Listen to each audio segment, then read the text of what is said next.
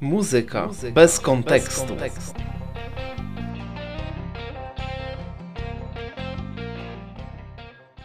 Cześć. Dzisiaj zaczniemy od dwóch faktów, jednego historycznego, drugiego literackiego, który poprowadzi nas w głąb tej dyskusji nad kontekstem muzyki w tym najbardziej znanym okresie, kiedy do głosu doszli hipisi. Pierwszy z tych faktów jest następujący. 2 sierpnia 1964 roku, y, kiedy prawie 50% terytorium Wietnamu było opanowane już przez komunistów pod y, dowództwem, przywództwem Ho Chi Minha, 2 sierpnia tego roku dochodzi do wymiany ognia pomiędzy USS Maddox, statkiem, który prowadził działania wywiadowcze w Zatoce Tonkińskiej i kutrami torpedowymi należącymi do sił Wietnamu.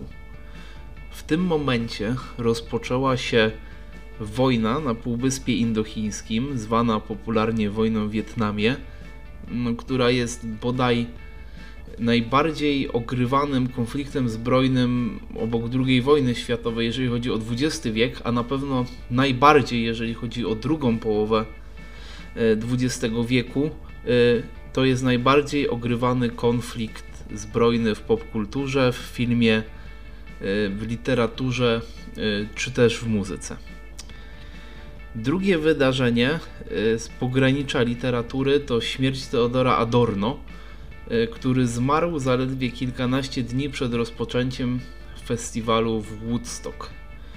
Tenże Teodor Adorno wydał książkę o fetyszyzmie w muzyce i o regresie słuchania. Tak nazywa się esej w tej książce, o której mówię, czyli Sztuka i Sztuki.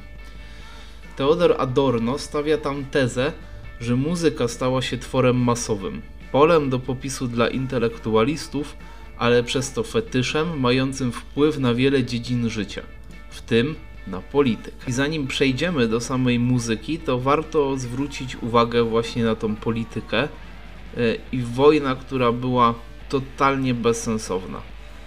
Totalnie bezsensowna, dlatego że wielkie mocarstwo, imperium, jakim były w tym czasie Stany Zjednoczone, nie potrafiły pokonać małego państewka Wietnamu, mimo że w czasie operacji Rolling Tender zrzucili na sam Wietnam dużo więcej bomb, przeprowadzili dużo więcej nalotów niż y, wspólnie z siłami alianckimi w czasie II wojny światowej. Wojna była przegrana. Mówi się o tym, że więcej żołnierzy trafiało do szpitali ze względu na zespół y, szoku pourazowego, ale też całkiem sporo żołnierzy trafiało do szpitali czy do szpitali polowych po prostu ze względu na fakt przedawkowania narkotyków y, i w te narkotyki bardzo często uciekali, bo uzależniali się od metamfetaminy. Prawda jest taka, że kiedy się operawało w dżungli, to żeby nie zasnąć, żołnierze dostawali podobnie jak piloci długodystansowi dalej dostają dwie tabletki metamfetaminy E, która no, w przypadku pilotów jest zawsze oczyszczona, w przypadku tych żołnierzy niekoniecznie była oczyszczona. E, miało to z jednej strony powodować, że oni by byli w takim stanie, mówiąc angielska, stand-by'u, z drugiej strony no, po prostu uzależniali się w pewnym czasie.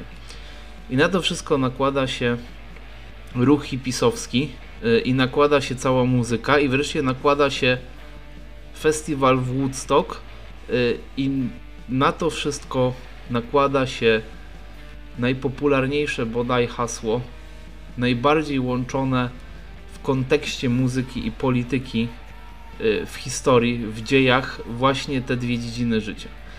To hasło najbardziej łączy muzykę i politykę y, w takim sensie, że muzycy zaczęli być rzeczywiście aktorami tej sceny politycznej. Y, no jak to mówi profesor Tadeusz Sławek, bez uprawiania polityki, ale jednak byli aktorami sceny politycznej, wygłaszając Make Love, Not War. Proste hasło, które zgromadziło no, gigantyczną ilość na tamte czasy, y, jeżeli chodzi o warunki organizacyjne, bo ponad 100 tysięcy osób na polach Woodstock gdzie wystąpili najwięksi tamtego okresu. I najbardziej przejmującym momentem tego festiwalu Woodstock no, można wymieniać oczywiście wiele pamiętnych momentów. Występ Creedence Clearwater Revival, y, ponad 20 bisów The Who, y, znakomity występ Jefferson Airplane, który śpiewał o używkach przecież w piosence White Rabbit, y, opowiadającej tylko w pozorze o Alicji w Krainie Czarów. Ale z punktu widzenia polityki, z punktu widzenia tej bezsensownej wojny, e, najbardziej znaczącym momentem, najbardziej przejmującym momentem tego festiwalu było zupełnie coś innego. Coś, co przewartościowało myślenie wielu młodych Amerykanów, e, a mianowicie pewien były czarnoskóry żołnierz. Bo nie, nie można zapominać, że ten artysta miał swoją przygodę z wojskiem. Taki gitarzysta, nazwijmy to, znany jako Jimi Hendrix, razem ze swoim zespołem zagrali amerykański hymn Star Sprangled Banner. Coś, co zawsze tworzyło tożsamość amerykańską i Hendrix stworzył tożsamość amerykańską na nowo. W opozycji do wojny w Wietnamie, w opozycji do tego całego otaczającego bezsensu, w opozycji do całego kryzysu ekonomicznego, który się wydarzał. No, warto tutaj zwrócić jeszcze uwagę na jedną rzecz i na te lata i przenieść się do Wysp Brytyjskich. Fund wtedy był bardzo słaby. Na Wyspach Brytyjskich y, zaczynali królować Rolling Stonesi, zaczynali królować Beatlesi i nadali trochę kolorytu do tego szarego kraju, który no, nie zdecydował się wziąć udziału w wojnie w Wietnamie, nie zdecydował się pomóc Amerykanom. No przez co też y, prezydent y, Lyndon Johnson, znany jako LBJ, nie mylić z LeBronem Jamesem, postanowił, że jego decyzje ekonomiczne nie będą totalnie wspierać funta, który był, no mówiąc kolokwialnie, masakrycznie słaby. I ci Brytyjczycy też chcieli mieć coś do powiedzenia. Mm, I również oni zaczęli tworzyć coś na kształt kultury rockowej. Y,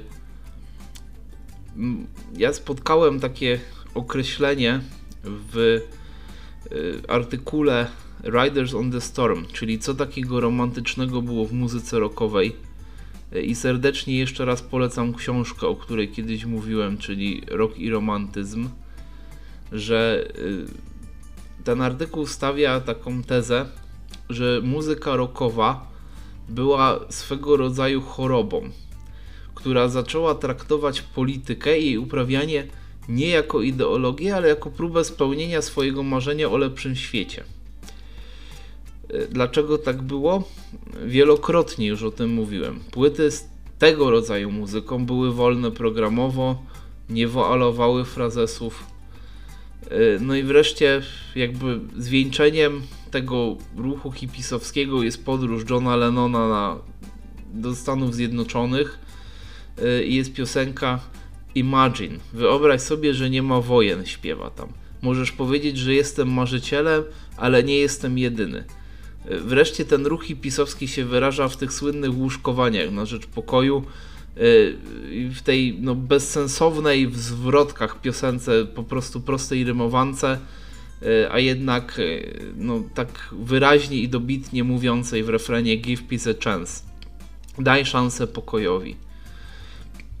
No i można powiedzieć już na koniec, zwieńczając te lata 60., że to właśnie prostota przekazu powoduje, że muzyka rockowa znalazła w pokoleniu, które miało mentalną czkawkę od polityki prowadzonej przez poprzednie generacje, bardzo podatny grunt.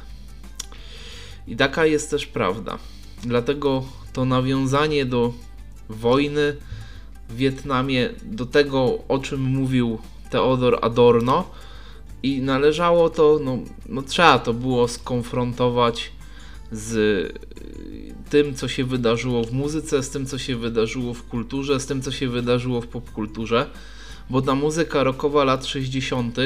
ona towarzyszy w zasadzie w każdym filmie, który mówi o wojnie w Wietnamie. Mm, pojawia się, przejawia się muzyka rockowa właśnie lat 60. Właśnie ta ucieczka, y, ta swoista romantyczna ucieczka, o której też już mówiliśmy, w pewien świat y, wyimaginowany, w pewien świat wykreowany na nowo przez używki. Y, I w tym wymiarze ten występ Jefferson Airplane i piosenki White Rabbit również jest znaczącym elementem Woodstocku. I również jest takim romantycznym zrywem, y, niczym poezja Goethego. Bo tak jak mówiliśmy przy okazji konfrontowania roka i romantyzmu, to tak naprawdę no, świat znalazł się znowu na takim etapie dziejów, w której te zmiany polityczne, w której to przewartościowanie po II wojnie światowej było podobne jak w czasie romantyzmu, gdzie trzeba było to po pierwsze konfrontować z pewnym hura optymizmem XIX wieku, ale po drugie poezja konfrontowała się no, w Polsce z nowym ładem politycznym, w której nie ma Polski, bo była rozebrana przez zaborców.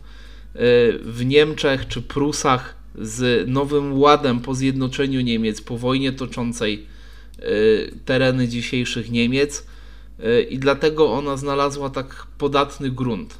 Y, ta poezja, która jest odrealniona i tak samo ta muzyka, która jest odrealniona, właśnie Jefferson Airplane, właśnie The Who, właśnie Creedence Clearwater Revival i wielu, wielu innych, którzy wystąpili w tamtym czasie na festiwalu Woodstock ona też znalazła tam podatny grunt, bo zadziałały mechanizmy i zadziałała natura ludzka dokładnie tak samo jak w okresie romantyzmu. Muzyka, Muzyka bez, kontekstu. bez kontekstu.